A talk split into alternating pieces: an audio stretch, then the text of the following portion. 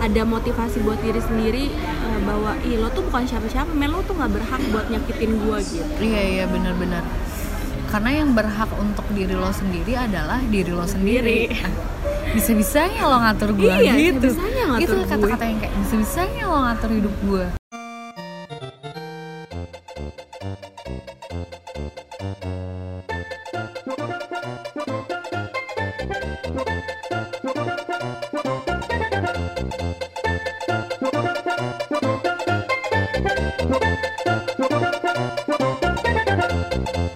gue mau nanya deh sama lo. Lo udah udah nonton Joker belum? Uh, belum. Kenapa?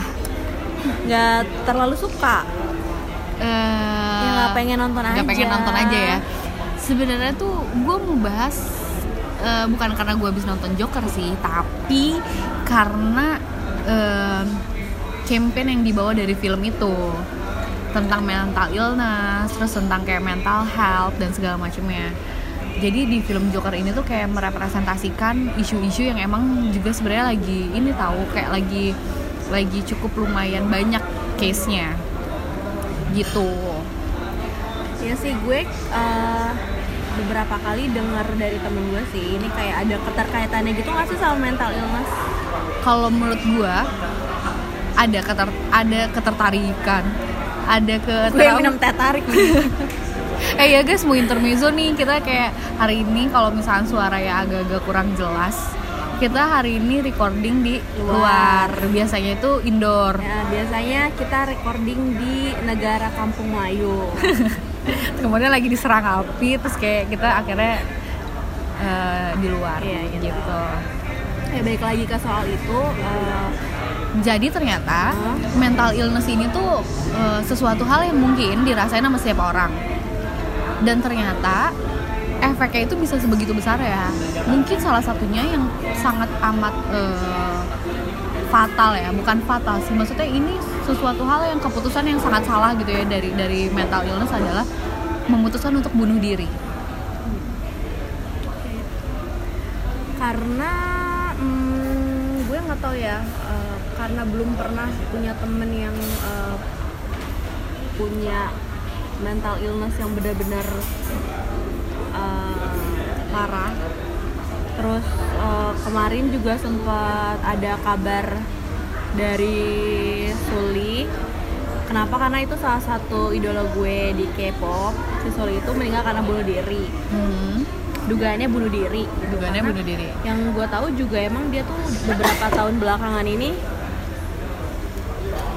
eh dibully sama netizen dari cara berpakaiannya, terus semenjak dia pacaran sama mantannya dan segala macam. Dan gue kira dia bisa survive, tapi ternyata eh, ternyata enggak gitu.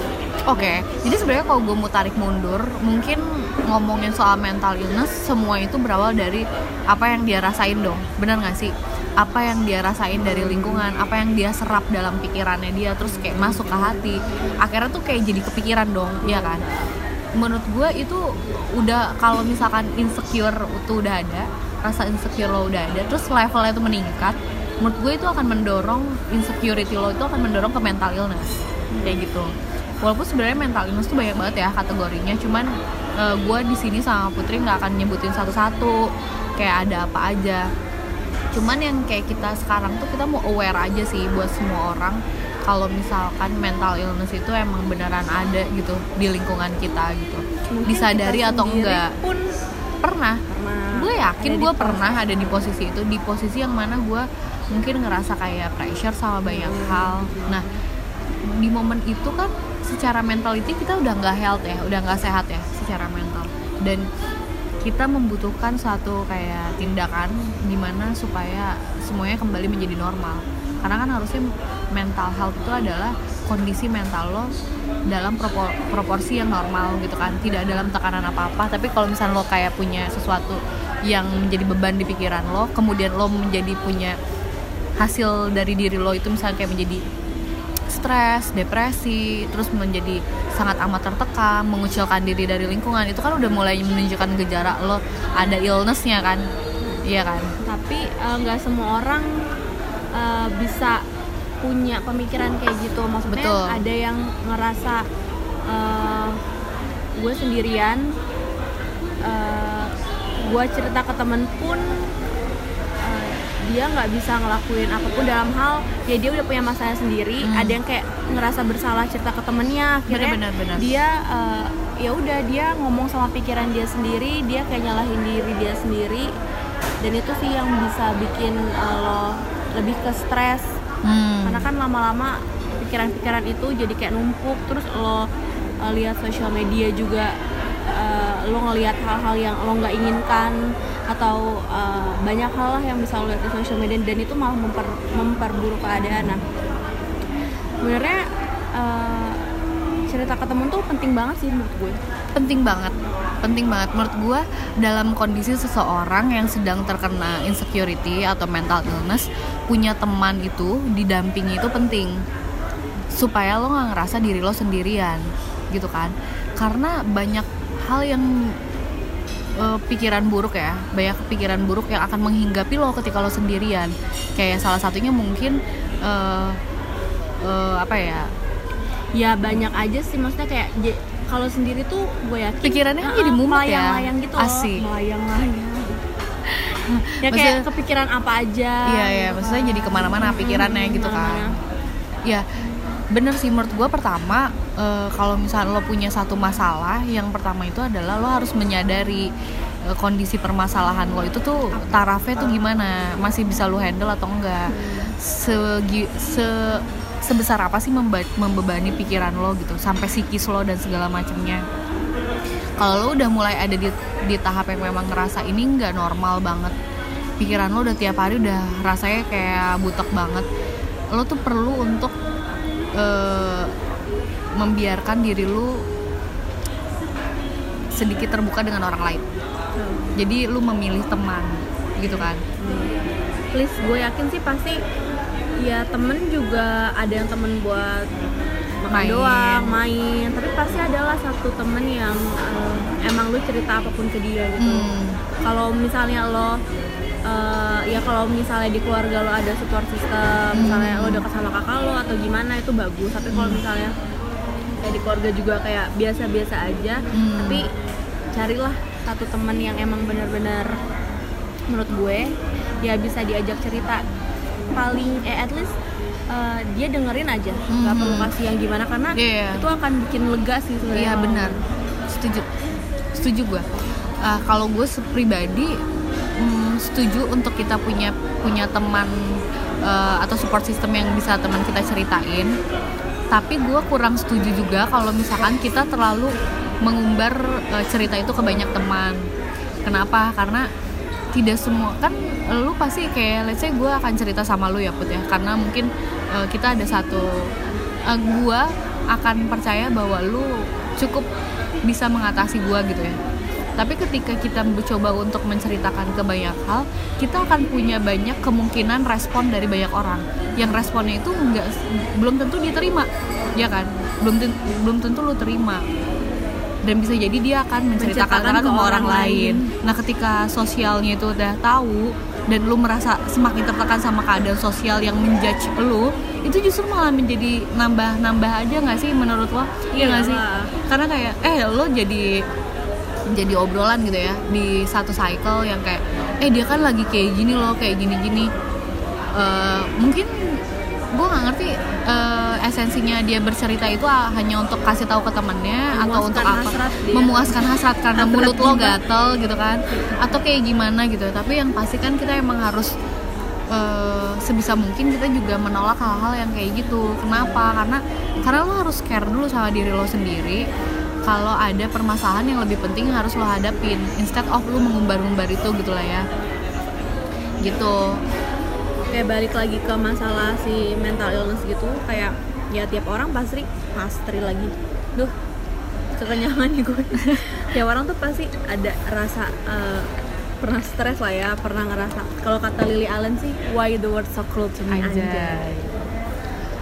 cuma kalau misalnya kalian bener-bener nggak ada teman mungkin bisa eh, sekarang kan udah ada tuh kayak apa situs online.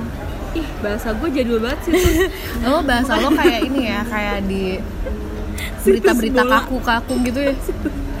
Kayak apa sih? Apa sih tuh namanya? Website. Iya website atau yang em, KBBI banget. Situs. Ya, intinya udah banyak tuh semacam yang kalau gua tahu tuh kayak ibunda. Konsul gitu ya? konsultasi online ibunda terus pijar psikologi. Hmm. Yang free juga ada. Sebenarnya buat untuk mengatasi stres lo tuh banyak sih caranya. Karena kan lo juga tahu diri lo tuh eh, seperti apa kan. Misal contohnya dan kalau lo lagi stres lo bisa pergi makan. Kan ada seorang yang hobinya makan terus akhirnya stresnya jadi jadi hilang. Atau lo lebih suka olahraga nonton film. Atau misalkan lo kayak hmm, nulis ya kan? Nulis tuh kadang bikin plong nggak sih? Kayak lo nulis terus kayak di notes gitu kan. Kayak lu mengeluarkan itu kan mengeluarkan kegundahan lu gitu. Konsul di online gitu kan. Jangan lupa pakai anonim. Karena kalau nggak pakai anonim nanti ketahuan. Kalau lagi gundah gulana gitu.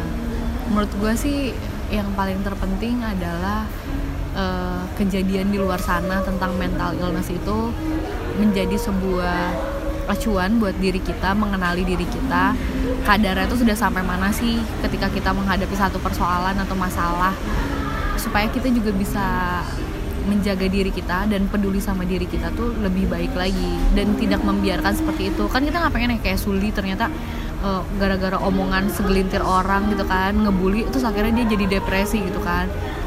Ternyata se sebegitunya Iya, gitu lah. karena kepikiran dan sebenarnya kalau menurut gue balik lagi ke orang itu.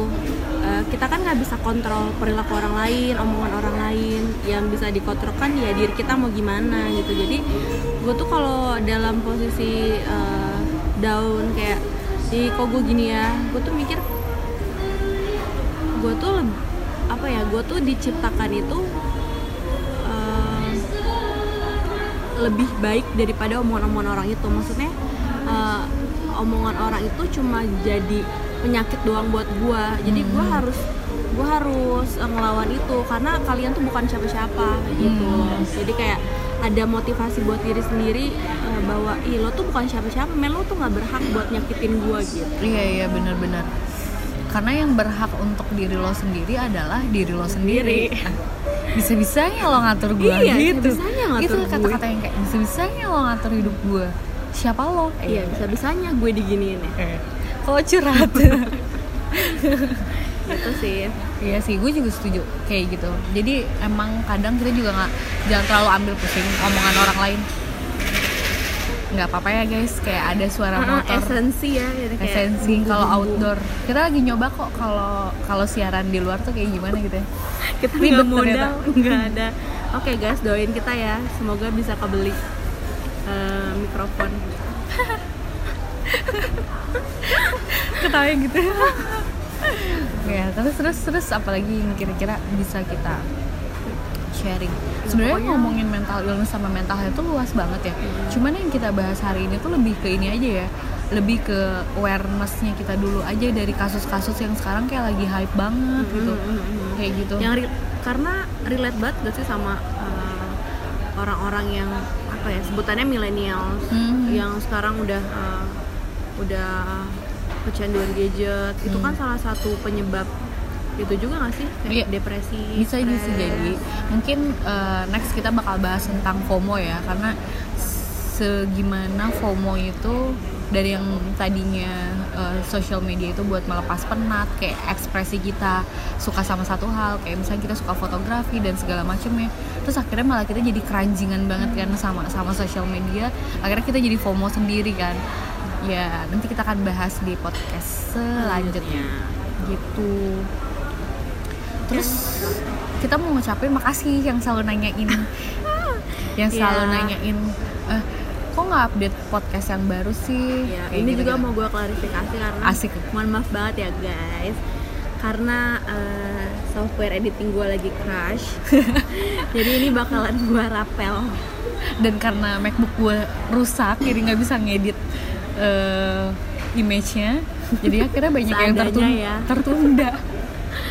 Dan karena kesibukan aja eh kalau misalnya ada yang dengerin terus mau endorse MacBook baru gue seneng kok. Eh gila kali mendingan kalau terus kata yang denger anjir mendingan buat gue aja MacBooknya. Ya udah sih biasa aja